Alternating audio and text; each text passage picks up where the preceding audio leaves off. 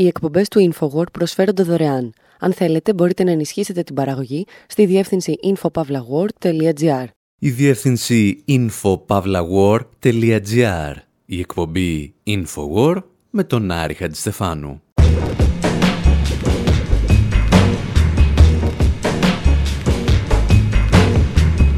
Όπου σήμερα ακούμε τα blues του πληθωρισμού και μοιραζόμαστε μερικές σκόρπιες σκέψεις για το αν έχουμε απέναντί μας ένα μπαμπούλα για να τρομάζει τα παιδιά ή μια πραγματική απειλή.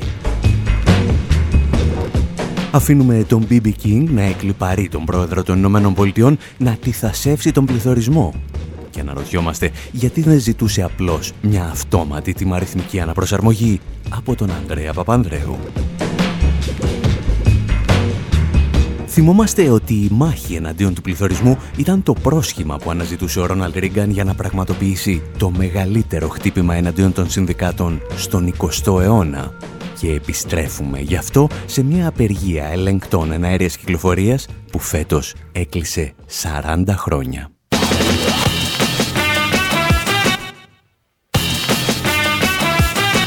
Whether long-range weapon or suicide bomb, a wicked mind is a weapon of mass destruction. Whether you're Solarway Sun or BBC One, misinformation is a weapon of mass destruction. You could a Caucasian or a poor Asian. Racism is a weapon of mass destruction. Whether inflation or globalization, fear is a weapon of mass destruction. My dad came into my room holding his hat. I knew he was leaving. He sat on my bed, told me some facts, son. I have for duty, calling on me. You and your sister be brave, my little soldier.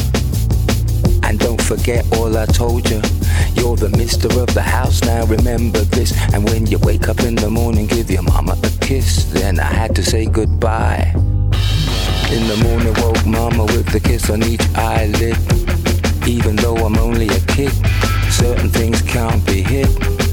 Mama grabbed me, held me like I was made to go, but left her in the stories untold. I said, Mama, it'll be alright when Daddy comes home tonight. Whether long-range weapon or suicide bomb, a wicked mind is a weapon of mass destruction. Whether you're Solarway Sun or BBC One, misinformation is a weapon of mass destruction. You could have Caucasian or a poor Asian. Racism is a weapon of mass destruction. Whether inflation or globalization, fear is a weapon of mass destruction. Whether Halliburton, Enron or anyone greed is a weapon of mass destruction. We need to find courage, overcome inaction is a weapon of mass destruction. Inaction is a weapon of mass destruction. Inaction is a weapon of mass destruction. Οι Faithless εντάσσουν τον πληθωρισμό σε αυτό που αποκαλούν όπλα μαζικής καταστροφής, μαζί με την παραπληροφόρηση, τον φόβο και την αδράνεια. Και ενώ εμείς θα θέλαμε να δηλώσουμε ότι είμαστε κάθε λέξη από τους στίχους αυτού του τραγουδιού, θεωρούμε ότι η αναφορά στον πληθωρισμό είναι ελαφρώς τραβηγμένη από τα μαλλιά.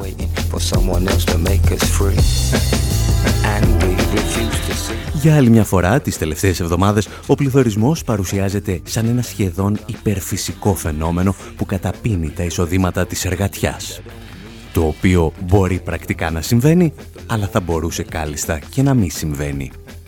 Γι' αυτό οφείλουμε να πάρουμε τα πράγματα από την αρχή και να εξηγηθούμε. Πληθωρισμό έχουμε ως γνωστόν όταν αυξάνονται οι τιμές όλων των προϊόντων και υπηρεσιών. Σαν μια παλήρια δηλαδή που σηκώνει ταυτόχρονα όλες τις βάρκες στο λιμάνι. Ορισμένες βάρκες βέβαια έχουν την τάση να σηκώνονται μόνες τους και να συμπαρασύρουν και όλες τις άλλες, όπως παραδείγματος χάρη το πετρέλαιο. Πληθωρισμό όμως λέμε ότι έχουμε μόνο όταν ανέβουν όλες οι βάρκες.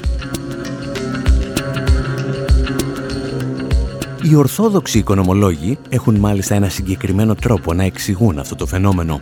Πληθωρισμός λένε είναι αυτό που παθαίνεις όταν πολλά λεφτά κυνηγάνε λίγα προϊόντα. Uh, the kind of classic textbook definition you'll find, you know, if you're in a kind of Econ 101 class, is that inflation is a case of too much money chasing not enough goods. Κλασικός ορισμός που θα βρείτε σε ένα χειρίδι οικονομικών πρώτου έτους είναι πως ο πληθωρισμός προκύπτει όταν υπερβολικά πολλά λεφτά κυνηγούν όχι αρκετά αγαθά. Μπορείτε να σκεφτείτε τα χρήματα ως μια αξίωση πάνω σε πραγματικά αγαθά και υπηρεσίες.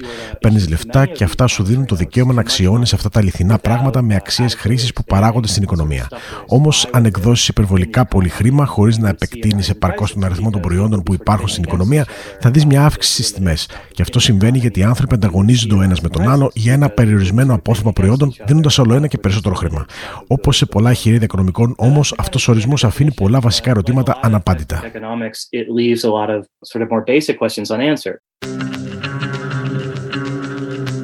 Ο κύριος που ακούσατε είναι ο Τιμ Μπάρκερ, καθηγητής ιστορίας και πολιτικής οικονομίας στο Πανεπιστήμιο του Χάρβαρντ και το απόσπασμα είναι από μια συνέντευξη που έδωσε στο περιοδικό Jacobin. Ίδιος, όπως καταλάβατε, έχει πολλές απορίες όταν ακούει τις κυρίαρχες εξηγήσεις για τον πληθωρισμό. Θέλει παραδείγματος χάρη να μάθει τι καθορίζει την παροχή χρήματος, τι καθορίζει την προσφορά προϊόντων και ποιες παραγωγικές σχέσεις μεσολαβούν σε όλα αυτά. Γιατί για τον Tim Barker ο πληθωρισμός δεν είναι ένα υπερφυσικό φαινόμενο, αλλά το αποτέλεσμα κοινωνικών σχέσεων, πολιτικών αποφάσεων και κυρίως ταξικών συγκρούσεων. In the 1970s, a powerful driver of inflation was the cost of oil. And the, you know, oil is an input into almost everything. You know, to get anything onto a shelf, ένα χαρακτηριστικό παράδειγμα μας έρχεται από τη δεκαετία του 1970, όταν κινητήριος δύναμη του πληθωρισμού ήταν το κόστος του πετρελαίου. Το πετρέλαιο επηρεάζει σχεδόν τα πάντα. Για να φτάσει οτιδήποτε σε ένα ράφι, πρέπει να χρησιμοποιηθεί κάποιο είδος ενέργεια. Έτσι, η αύξηση της τιμής του πετρελαίου μπορεί να οδηγήσει σε γενικευμένο πληθωρισμό. Τι επηρεάζει όμως αυτή την τιμή του πετρελαίου; Η απάντηση έχει να κάνει με τις πολιτικές σχέσεις. Σχέσεις μεταξύ των πετρελοπαραγωγών χωρών, πολλές από τις οποίες βρίσκονται στο παγκόσμιο νότο. Σχέσεις μεταξύ των μεγάλων πετρελαϊκών εταιριών, πολλές από τις οποίες είναι πολυεθνικές, αλλά εδράζονται στον παγκόσμιο βορρά, αλλά και σχέσεις μεταξύ των κυβερνήσεων όπως της Σαουδικής Αραβίας και των ΗΠΑ. Για να δει κανείς τι κρύβεται πίσω από ένα φαινομενικά προφανές πράγμα όπως η αύξηση της τιμής του πετρελαίου, πρέπει να κοιτάξει αυτές τις σχέσεις ισχύω μεταξύ διαφορετικών κοινωνικών ομάδων. You know, at base, um, relationships of, of power between different social groups. Ο πληθωρισμός είναι λοιπόν ένα υπαρκτό πρόβλημα Μόνο τις τελευταίες δεκαετίες όμως μάθαμε να πιστεύουμε ότι αποτελεί τον απόλυτο εφιάλτη για το μέσο νοικοκυριό. Το 19ο αιώνα, παραδείγματος χάρη, ο πληθωρισμός θεωρούνταν ένα σχετικά φυσιολογικό πρόβλημα και μάλλον εύκολα αντιμετωπίσιμο. Αρκετοί οικονομολόγοι θα σου εξηγούσαν ότι ένα λογικό επίπεδο πληθωρισμού είναι μάλιστα όχι μόνο αναπόφευκτο, αλλά και θεμητό. Και αν τα εισοδήματα αυξάνονται μαζί με τον πληθωρισμό, δεν έχεις και πολλά να φοβάσαι ως πολίτης.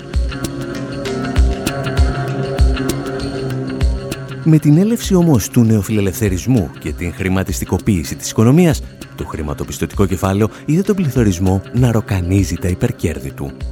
Με μια απλή και μάλλον απλουστευτική ερμηνεία θα λέγαμε ότι στον πληθωρισμό χάνει αυτός που έχει χρήματα και τα έχει δανείσει και κερδίζει αυτός που δεν έχει χρήματα και έχει δανειστεί. Προφανώς, από τον πληθωρισμό μπορεί να χάσει και κάθε φτωχό νοικοκυριό που βλέπει την αξία των χρημάτων του να μειώνεται. Το αν θα συμβεί αυτό όμως είναι μια πολιτική απόφαση των κυβερνώντων, οι οποίοι, αν θέλουν, μπορούν να προστατεύσουν τον νοικοκυριό με διάφορους τρόπους. Όπως παραδείγματος χάρη με μέτρα αυτόματης τιμαριθμικής αναπροσαρμογής. Αυτό που παλιά λέγαμε «άτα». ξαναλέμε ότι αυτή είναι η απλουστευτική εξήγηση ενός τρομακτικά σύνθετου οικονομικού ζητήματος.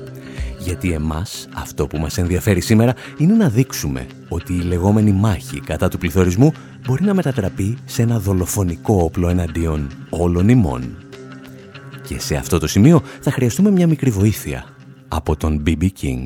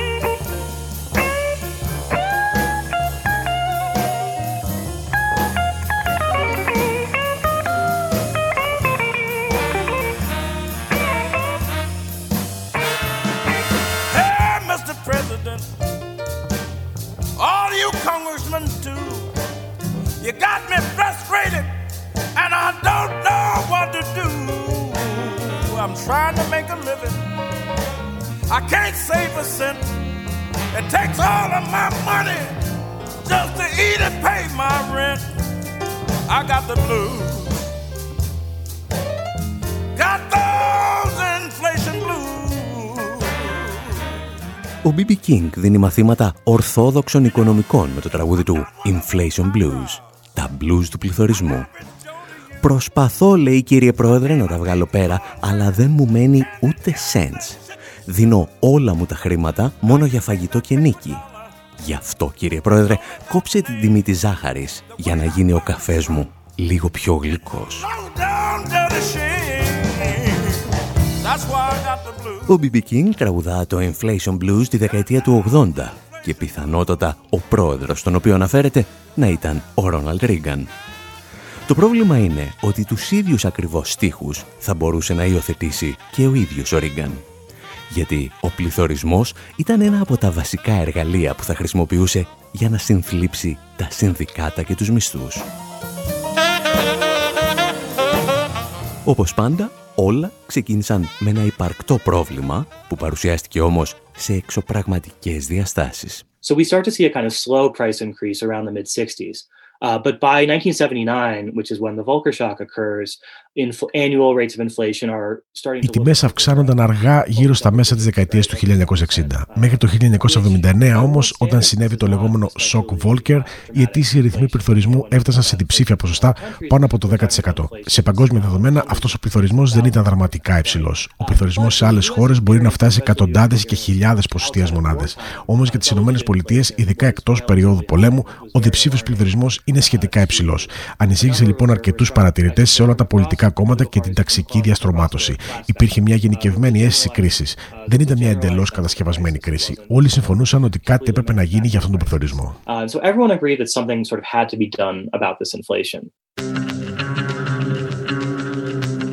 Το σοκ του Βόλκερ, το οποίο ακούσαμε, πήρε το όνομά του από τον τότε πρόεδρο της Ομοσπονδιακής Κεντρικής Τράπεζας των ΗΠΑ, Πολ Βόλκερ.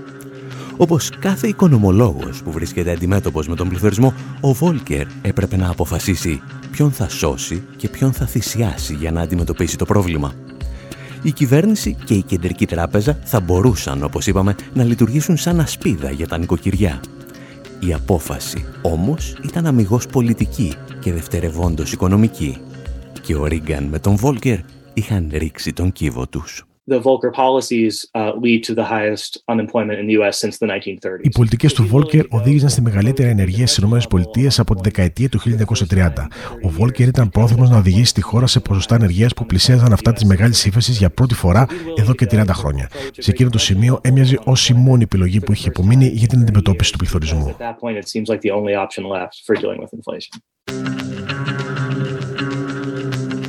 Όπως εξηγήσαμε βέβαια, η αύξηση της ανεργίας δεν ήταν η μοναδική λύση.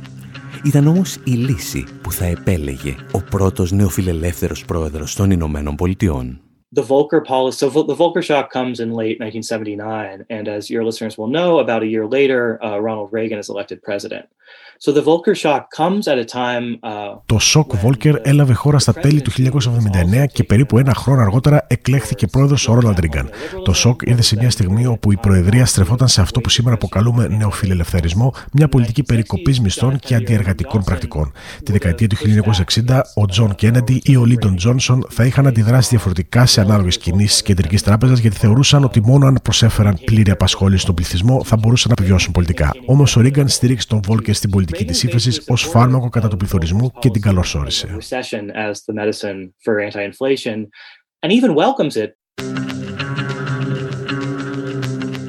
Ο Ρίγκαν είχε στο μυαλό του ένα πολύ συγκεκριμένο σχέδιο για το πώς θα χρησιμοποιούσε τη μάχη απέναντι στον πληθωρισμό.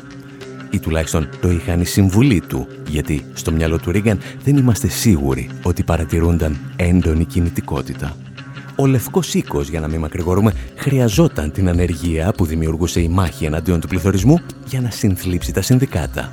Και το έκανε ξεκινώντας από το Συνδικάτο των Ελεγκτών Εναέριας Κυκλοφορίας.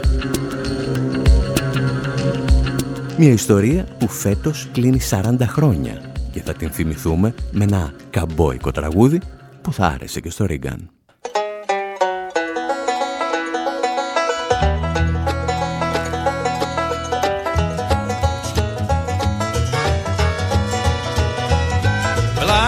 At five, just barely alive, and I put on my pretty blue suit. There's snow in the yard and it's coming down hard, so I put on my warm black boots. Cause nothing today is gonna get in my way to keep me from making my rounds. There's other positions for money acquisition, but this be the best that I've found. To be a Pepsi man, I keep bringing those bottles and cans. A Pepsi man, doing whatever I can to keep that Pepsi generation going strong.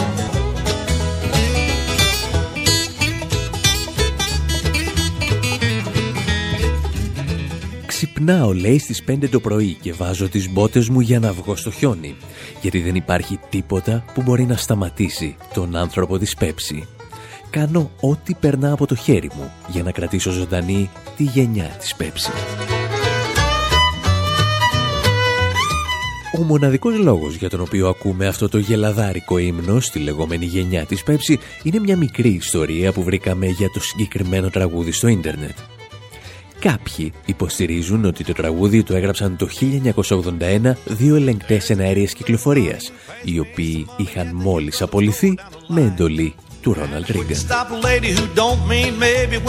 Το ημερολόγιό μας λοιπόν γραφεί 3 Αυγούστου του 1981 και ο Αμερικανός πρόεδρος Ρόναλντ Ρίγκαν εμφανίζεται στην τηλεόραση για να κάνει μια ιδιαίτερα σύντομη δήλωση.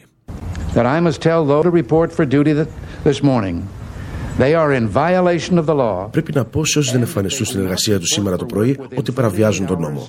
Αν δεν δηλώσουν παρουσία μέσα στι 48 ώρες, το δικαίωμά τους στην εργασία θα τερματιστεί. Τέλος της δήλωσης.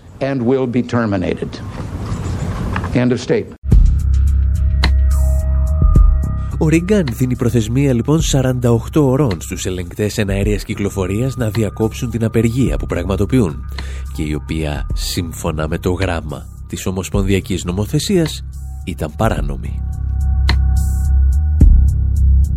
Οι απεργοί δεν υποχωρούν. Συνεχίζουν όμως μόνοι, χωρίς την έμπρακτη στήριξη των μεγάλων συνδικάτων, τα οποία δεν συνειδητοποιούσαν τότε ότι από αυτή τη μάχη θα κρίνονταν τα εργασιακά δικαιώματα για τις επόμενες τέσσερις δεκαετίες. Ο Ρίγκαν λοιπόν επιστρέφει ύστερα από 48 ώρες για να σκορπίσει τον εργασιακό θάνατο. Απολύει 11.345 ελεγκτές εναέρειας κυκλοφορίας.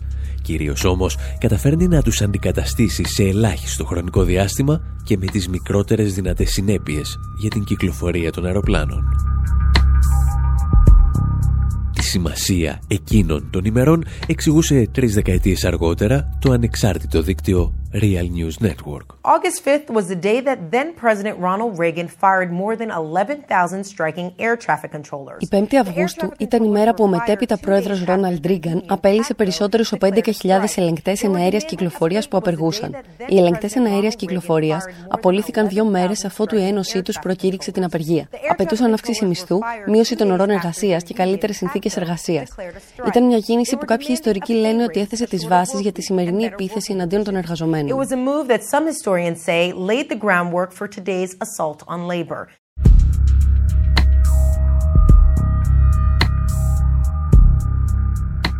Το σπάσιμο λοιπόν της απεργίας των ελεκτών εναέριας κυκλοφορίας είναι μία από τις πιο κομβικές στιγμές στην ιστορία του εργατικού κινήματος στις Ηνωμένες Πολιτείες.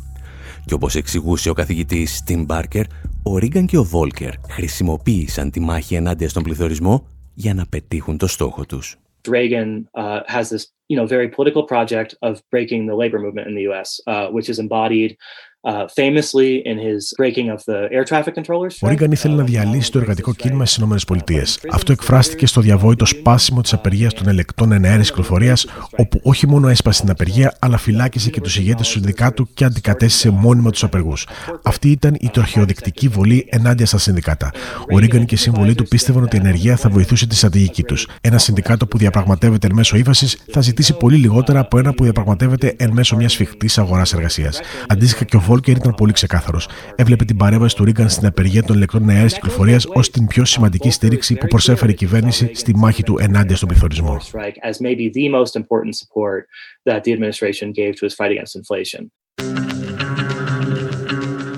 Ο πληθωρισμός λοιπόν είναι ένα υπαρκτό πρόβλημα. Συνήθως όμως δεν είναι το πρόβλημα που μας παρουσιάζουν και κυρίως δεν λύνεται με τους τρόπους που μας προτείνουν. Εσείς πάλι μένετε εδώ, γιατί στο δεύτερο μέρος της εκπομπής επιστρέφουμε με εντελώς διαφορετικές ιστορίες. Να θυμάστε πάντα ότι σκέψεις και ιδέες σαν και αυτές θα βρίσκεται στη διεύθυνσή μας info.pavlawar.gr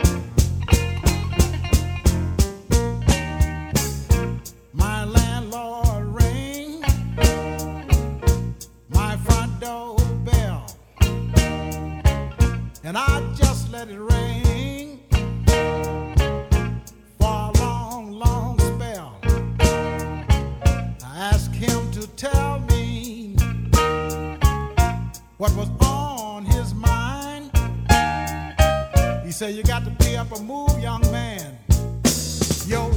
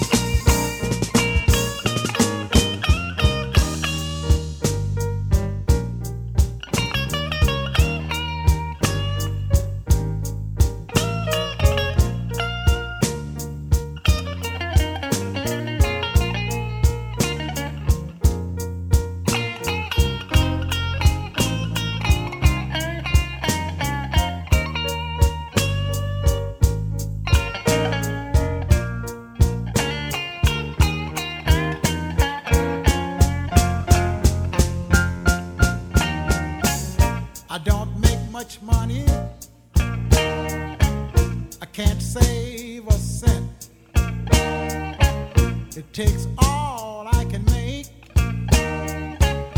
Just to eat, I can't pay the rent.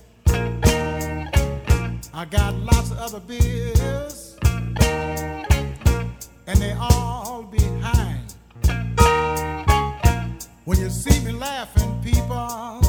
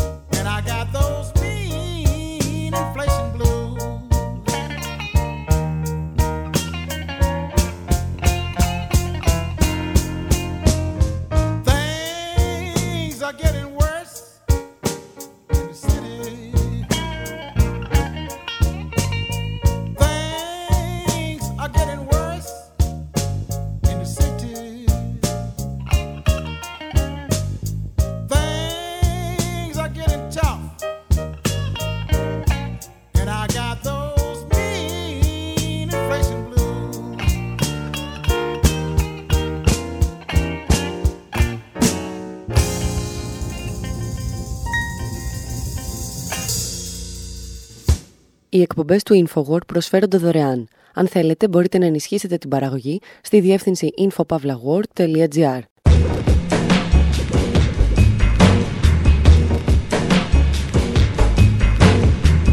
Εκπομπή InfoWord, μέρος δεύτερο.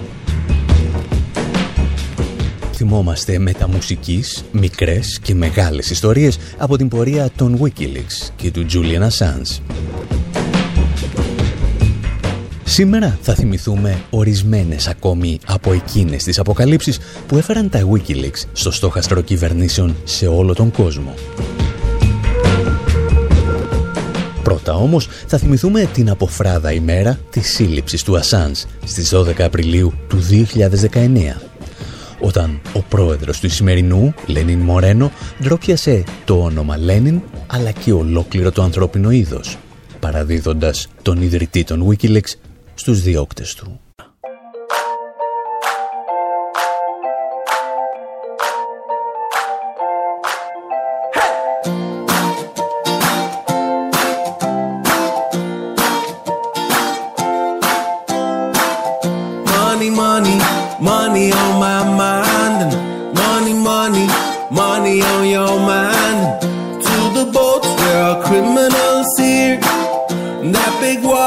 new friend. Me wanna smoke crack.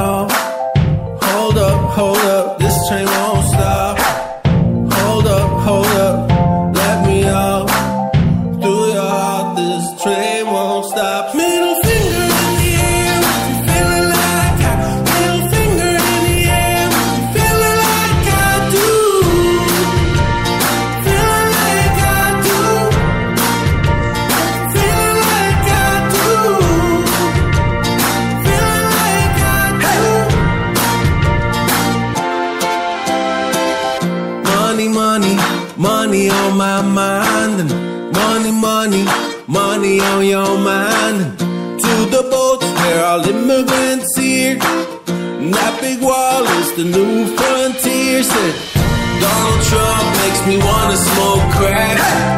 Go to Canada and never come back. Ο Ντάνιελ Λεντίνσκι υποστηρίζει ότι βλέποντας τον Ντόναλτ Τραμπ του έρχεται να καπνίσει κρακ. Εμάς πάλι, από όλο το τραγούδι, μας ενδιαφέρει εκείνος ο στίχος που λέει «Πού πήγες, Μπέτι Φρίνταν, πού βρίσκεσαι, Γκορ Βιντάλ». Μπέτι Φρίνταν ήταν η μεγαλύτερη φεμινίστρια συγγραφέα των Ηνωμένων Πολιτειών και Γκορβιντάλ ήταν ο μεγάλος Αμερικανός διανοούμενος που τίναξε στον αέρα όλα όσα ήθελε να συμπεριλάβει στα επίσημα βιβλία ιστορίας το Αμερικανικό κράτος. Ο Γκορβιντάλ βέβαια μας άφησε χρόνους το 2012, αλλά έκανε με έναν περίεργο τρόπο την επανεμφάνισή του στα χέρια του Τζουλένα Σάνς. Καθώς η Βρετανική αστυνομία τον έβγαζε σηκωτό από το κτίριο της πρεσβείας του Ισημερινού, αυτός κρατούσε στα χέρια του ένα βιβλίο με την φωτογραφία του Βιντάλ στην πρώτη σελίδα. Wanna smoke crack. Go to Canada. Για την ακρίβεια ήταν το History of the National Security State, η ιστορία του κράτους εθνικής ασφαλείας. Ένα βιβλίο στο οποίο ο Γκορ Βιντάλ εξέταζε τη διαπλοκή του στρατιωτικό-βιομηχανικού συμπλέγματος για το οποίο μιλούσε ο Άιζενχάουερ με το βαθύ κράτος των μυστικών υπηρεσιών. Where all immigrants here. And that big wall. Το βιβλίο είναι μια έκδοση του ανεξάρτητου δικτύου Real News Network και όταν οι αρχές συνέλαβαν τον Ασάνς, οι δημοσιογράφοι του δικτύου κάλεσαν στο στούντιο τον Ντάνιελ Έλσμπεργκ, ίσως τον σημαντικότερο whistleblower του 20ου αιώνα. Και αυτός τους είπε κάτι πολύ απλό. Η σύλληψη του Ασάνς είναι τόσο παράνομη, ώστε μην ξαφνιαστείτε εάν αύριο συλλάβουν και εσάς, επειδή εκδώσατε ένα βιβλίο που κρατούσε στα χέρια του. if uh, they make the connection of the Real News Network book that he was carrying with him into prison, Αν κάνουν τη σύνδεση με το βιβλίο του Real News Network που ο Ασάνς πήρε μαζί του στη φυλακή και το οποίο ο Γκορ Βιντάλ θα ήταν πολύ χαρούμενος, θα μπορούσαν να συνδέσουν ακόμη και εσάς στο κατηγορητήριο. Μπορεί και εσύ να είσαι στην επόμενη δίκη μαζί με τον Τζουλιάν Ασάν. Μπορεί να μην χρειάζεται κάτι περισσότερο. Διάβασα πριν από λίγο το κατηγορητήριο. Μία από τις κατηγορίες είναι ότι παρότρινε την Τζέσιλ Μάνιγκ να του δώσει επιπλέον έγγραφα αφότου του είχε δώσει εκατοντάδες χιλιάδες αρχεία. Αν αυτό είναι έγκλημα, τότε η δημοσιογραφία είναι έγκλημα. Για τις αμέτρητες περιπτώσεις έχω δεχθεί αιτήματα δημοσιογράφου για έγγραφα ή για επιπλέον στοιχεία από όσα τους είχα ήδη δώσει. Κανένας από αυτούς δεν έχει οδηγηθεί στο δικαστήριο μέχρι τώρα. Αλλά σε αυτή την περίπτωση, αν αυτή είναι η εξέλιξη, τότε κανένας δημοσιογράφος δεν είναι ασφαλής. Η ίδια ελευθερία του τύπου δεν είναι ασφαλής. Τελείωσε. Και νομίζω η δημοκρατία μας διανύει τις τελευταίες της ημέρες. Γιατί η δημοσιοποίηση στοιχείων σαν αυτή είναι η ψυχή της δημοκρατίας.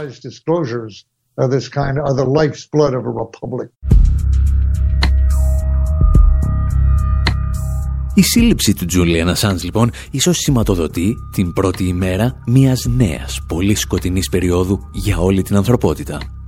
Τη ημέρα που όλοι οι ανεξαιρέτως οι δημοσιογράφοι μπορούν να οδηγηθούν εν δυνάμει στη φυλακή, απλώς επειδή κάνουν τη δουλειά τους. Δημοσιεύουν τις πληροφορίες που κάποιοι δεν θέλουν να δουν δημοσιευμένες. Γιατί ως γνωστόν, εάν η δημοσίευσή σου δεν ενοχλεί κάποιον, δεν είναι δημοσιογραφία. Είναι δημόσιες σχέσεις. Αναρωτιόμαστε γιατί το κράτος του Ισημερινού παρέδωσε τον Τζούλιαν Ασάν στους δίμιους του και συνειδητοποιούμε ότι πίσω από κάθε ήρωα υπάρχει πάντα ένας προδότης. Και το όνομα αυτού, στη συγκεκριμένη περίπτωση, είναι Λένιν Μορένο, ο σοσιαλιστής πρόεδρος του Ισημερινού. Θα λέγαμε ο Κώστας Σιμίτης και ο Θόδωρος Πάγκαλος του Εκουαδόρ. Όπως εξηγούσε ο Ντάνιελ Έλσμπεργκ, η κίνηση του Μορένο ήταν παράνομη και συνεπώς κανείς δεν μπορούσε να τον εξαναγκάσει σε αυτή, τουλάχιστον δημοσίως. Έπρεπε πρώτα να του προσφέρουν το διόλου ευκαταφρόνητο ποσό των 30 αργύριων. They couldn't really force Ecuador to break the norm of international asylum here by handing him over. They couldn't force Britain δεν μπορούσαν πραγματικά να εξαναγκάσουν το Εκουαδόρ να σπάσει αυτούς τους κανόνες του διεθνούς ασύλου παραδίδοντάς τον. Δεν μπορούσαν να εξαναγκάσουν τη Βρετανία. Προφανώς και οι δύο πίστηκαν από διάφορα κίνητρα. Όσον αφορά το Μορένο, υποθέτω ότι η απόφασή του σχετίζεται με την ελάφρυνση του χρέους. Και οι Ηνωμένες Πολιτείες, ο μεγάλος δανειστής, παρόλο που είναι και ο φιλέτης, έχουν τη δυνατότητα να ασκήσουν τέτοια πίεση στο Εκουαδόρ ώστε να προκαλέσουν μια παράνομη πράξη που τελικά θέτει σε κίνδυνο όποιον ζητά άσυλο σε όλο τον κόσμο. Κινδυνεύουν όσοι έχουν λάβει πολιτικό άσυλο σε αυτή τη χώρα, στη Βρετανία και σίγουρα στο Εκουαδόρ. Αυτό λοιπόν είναι ιδιαίτερα ανησυχητικό. Οι Βρετανοί βέβαια έχουν μακρά ιστορία δολοπρέπειας απέναντι στις ΗΠΑ και νομίζω δεν ανησυχούν πολύ για τον νόμο.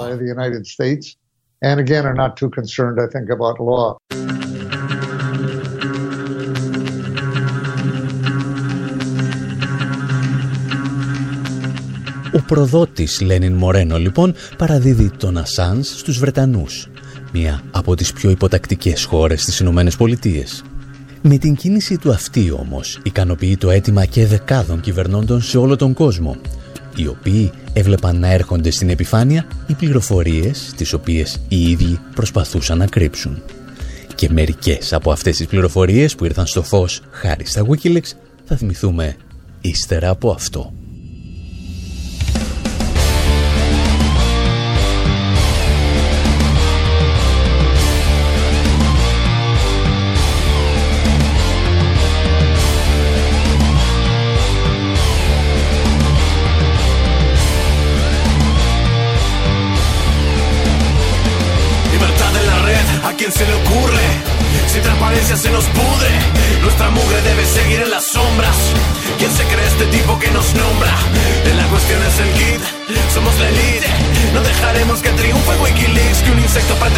David y nos arroje una piedra que defina nuestro fin. Atrapen al ya que no hay perdón. Otra nación descubre nuestra sed de sangre, esto es insalubre. Invéntenle causas, pidan su captura. Nadie pondrá pausa ni fila la censura. Otra red se teje sin nuestros manejes. Ese ruin corre, ahora lo protege. Sufrirán, pagarán,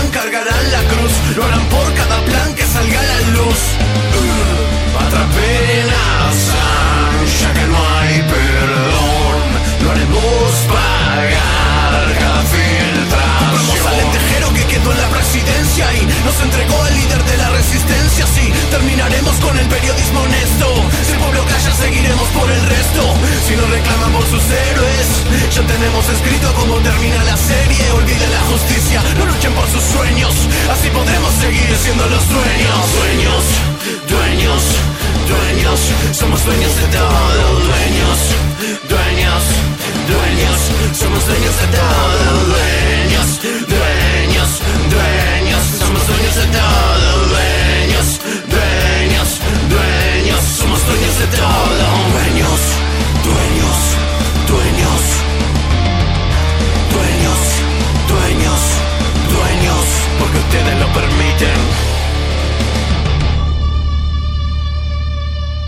Ο Ντανιέλ Ντεβίτα από την Αργεντινή διηγείται την ιστορία των Wikileaks και του Julian Assange από την πλευρά των Elite, οι οποίες είδαν τα μυστικά τους να βγαίνουν στη φόρα. Δεν θα ανεχθούμε, λένε οι Elite διαστόματος Ντεβίτα, ένα ακόμη έθνος να πληροφορηθεί τη δίψα μας για αίμα. Δεν θα υπάρξει καμία συγχώρεση για τον Ασάνς. Θα πληρώσει για κάθε διαρροή. Και μαζί του θα πληρώσει και οποιοδήποτε σκεφτεί να πραγματοποιήσει σοβαρή ερευνητική δημοσιογραφία. Παρεπιπτόντος, το τραγούδι του ο Ντεβίτα αναφέρεται και σε αυτόν τον διάολο, τον Ραφαέλ Κορέα, τον πρώην πρόεδρο του Ισημερινού που προσέφερε για χρόνια άσυλο στον Ασάνς, μέχρι τη στιγμή που στη θέση του βρέθηκε ο Λενίν Μορένο. Και μια μικρή λεπτομέρεια. Τα Wikileaks είχαν αποκαλύψει τηλεγράφημα του 2007 με το οποίο η Αμερικανική Πρεσβεία στον Ισημερινό εξέβραζε τον θαυμασμό της για τον Λενίν Μορένο. Οι Αμερικανοί διπλωμάτες, βλέπετε, δεν έπεσαν έξω στις εκτιμήσεις τους. Έξω έπεσε ο Ραφαέλ Κορέα.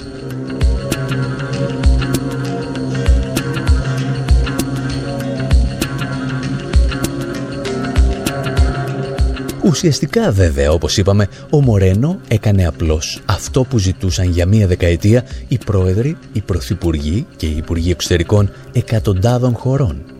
Χωρών που έβλεπαν τα μυστικά τους να κυκλοφορούν στη δημοσιότητα. Η Χίλαρη Κλίντον, λόγου χάρη, ήθελε τον Ασάν στη φυλακή γιατί αυτός αποκάλυψε ότι ήταν ενήμερη για το δίκτυο τρομοκρατικών οργανώσεων που χρηματοδοτούσε η Σαουδική Αραβία σε όλο τον κόσμο. The gush of embarrassing revelation continues, today involving suspicions that some of the U.S.'s Η ροή ντροπιαστικών αποκαλύψεων συνεχίζεται. Σήμερα δημιουργούνται υποψίες ότι η στρατηγική σύμμαχη των ΗΠΑ στη Μέση Ανατολή και κυρίως στο βασίλειο των Σαούντ εξακολουθεί να χρηματοδοτεί οργανώσεις όπως η Αλ-Κάιντα. Το τηλεγράφημα αναφέρει ότι χρήματα που συγκεντρώνουν οι Σαουδάραβες από πιστούς προσκυνητές στη Μέκα καταλήγουν σε τρομοκρατικές οργανώσεις. Παράλληλα, εύποροι Σαουδάραβες προσφέρουν χρήματα στην Αλ-Κάιντα, τους Ταλιμπάν και άλλες οργανώσεις που συνδέονται με την τρομοκρατία.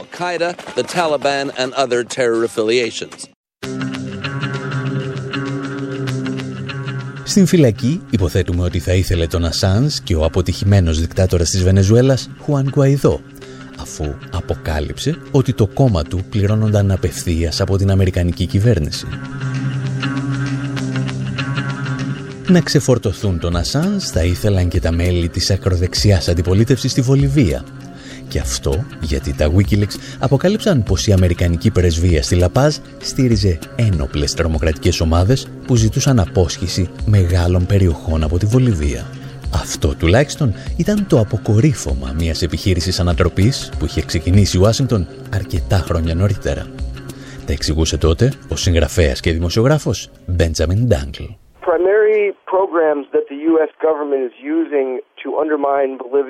Το βασικό πρόγραμμα με το οποίο η Αμερικάνικη κυβέρνηση υποσκάπτει τη Βολιβία είναι η λεγόμενη Υπηρεσία Διεθνούς Ανάπτυξης των ΗΠΑ.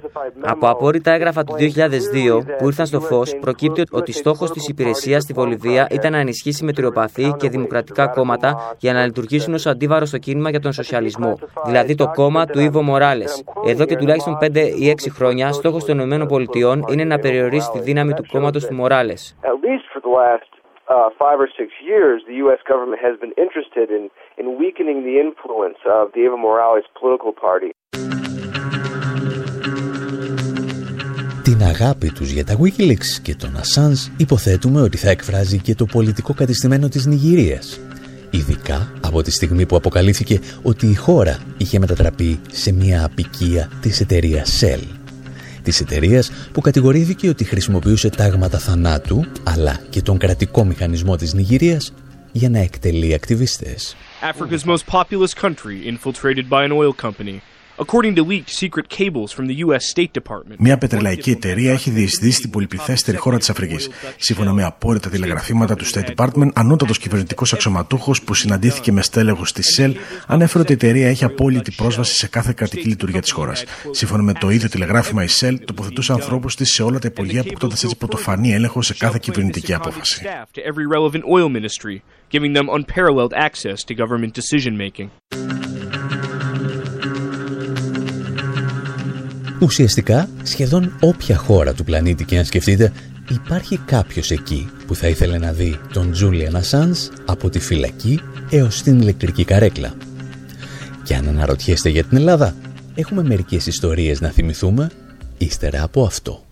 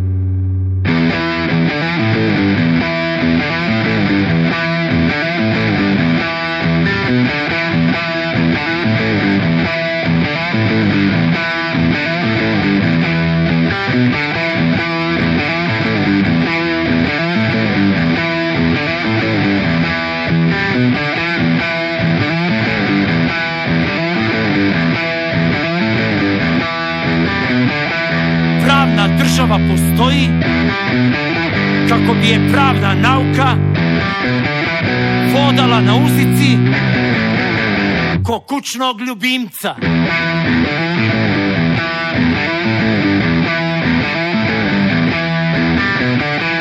Neki advokati su skupi babysiteri koji je izvode na nuždu, al ne kupe govna za njom.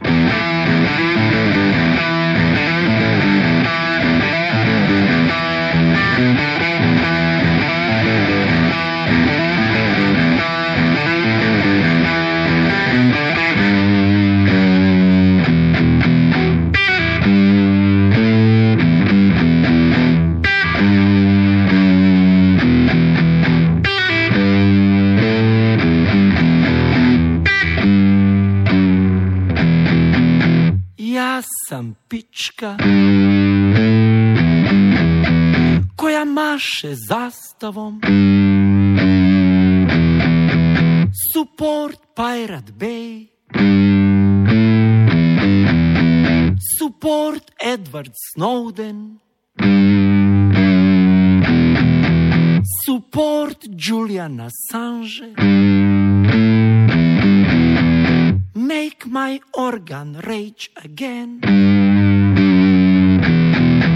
Support, make, make, support.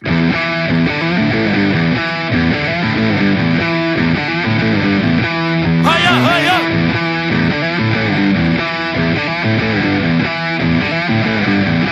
Higher, higher.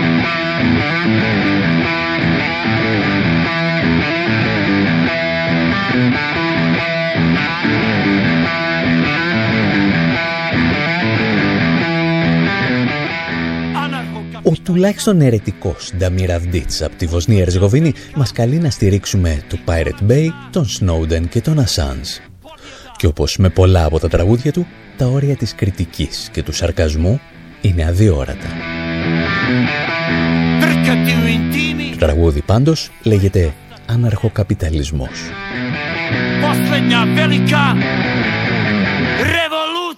Εμείς πάλι στην εκπομπή Infowar με τον Άρη Στεφάνου θυμόμαστε μεγάλες και μικρές ιστορίες από την πορεία των Wikileaks.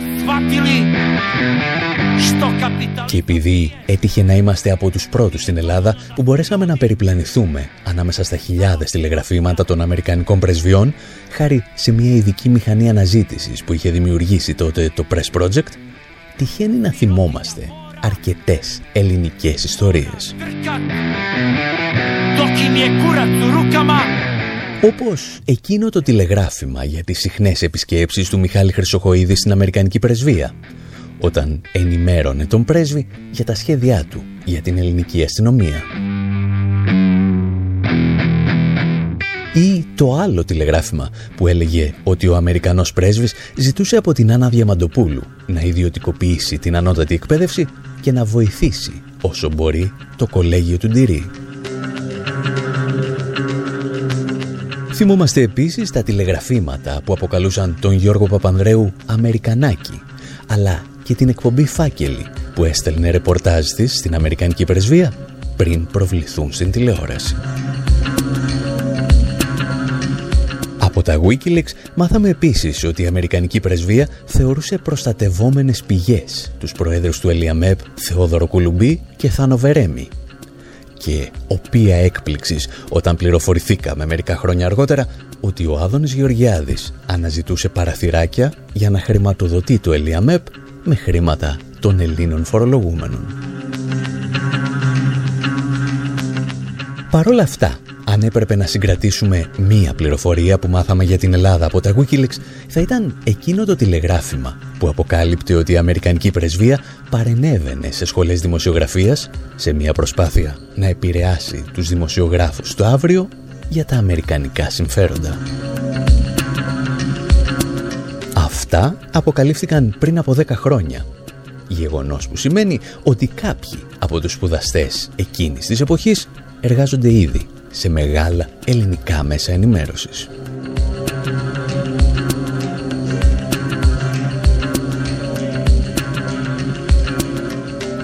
Εμείς πάλι κάπου εδώ λέμε να σας αφήσουμε και για αυτή τη ραδιοφωνική εβδομάδα. Τα λέμε όμως καθημερινά στη διεύθυνση info.pavlawar.gr Από τον Άρη Χατζηστεφάνου στο μικρόφωνο και τον Δημήτρη Σαθόπουλο στην τεχνική επιμέλεια, γεια σας και χαρά σας.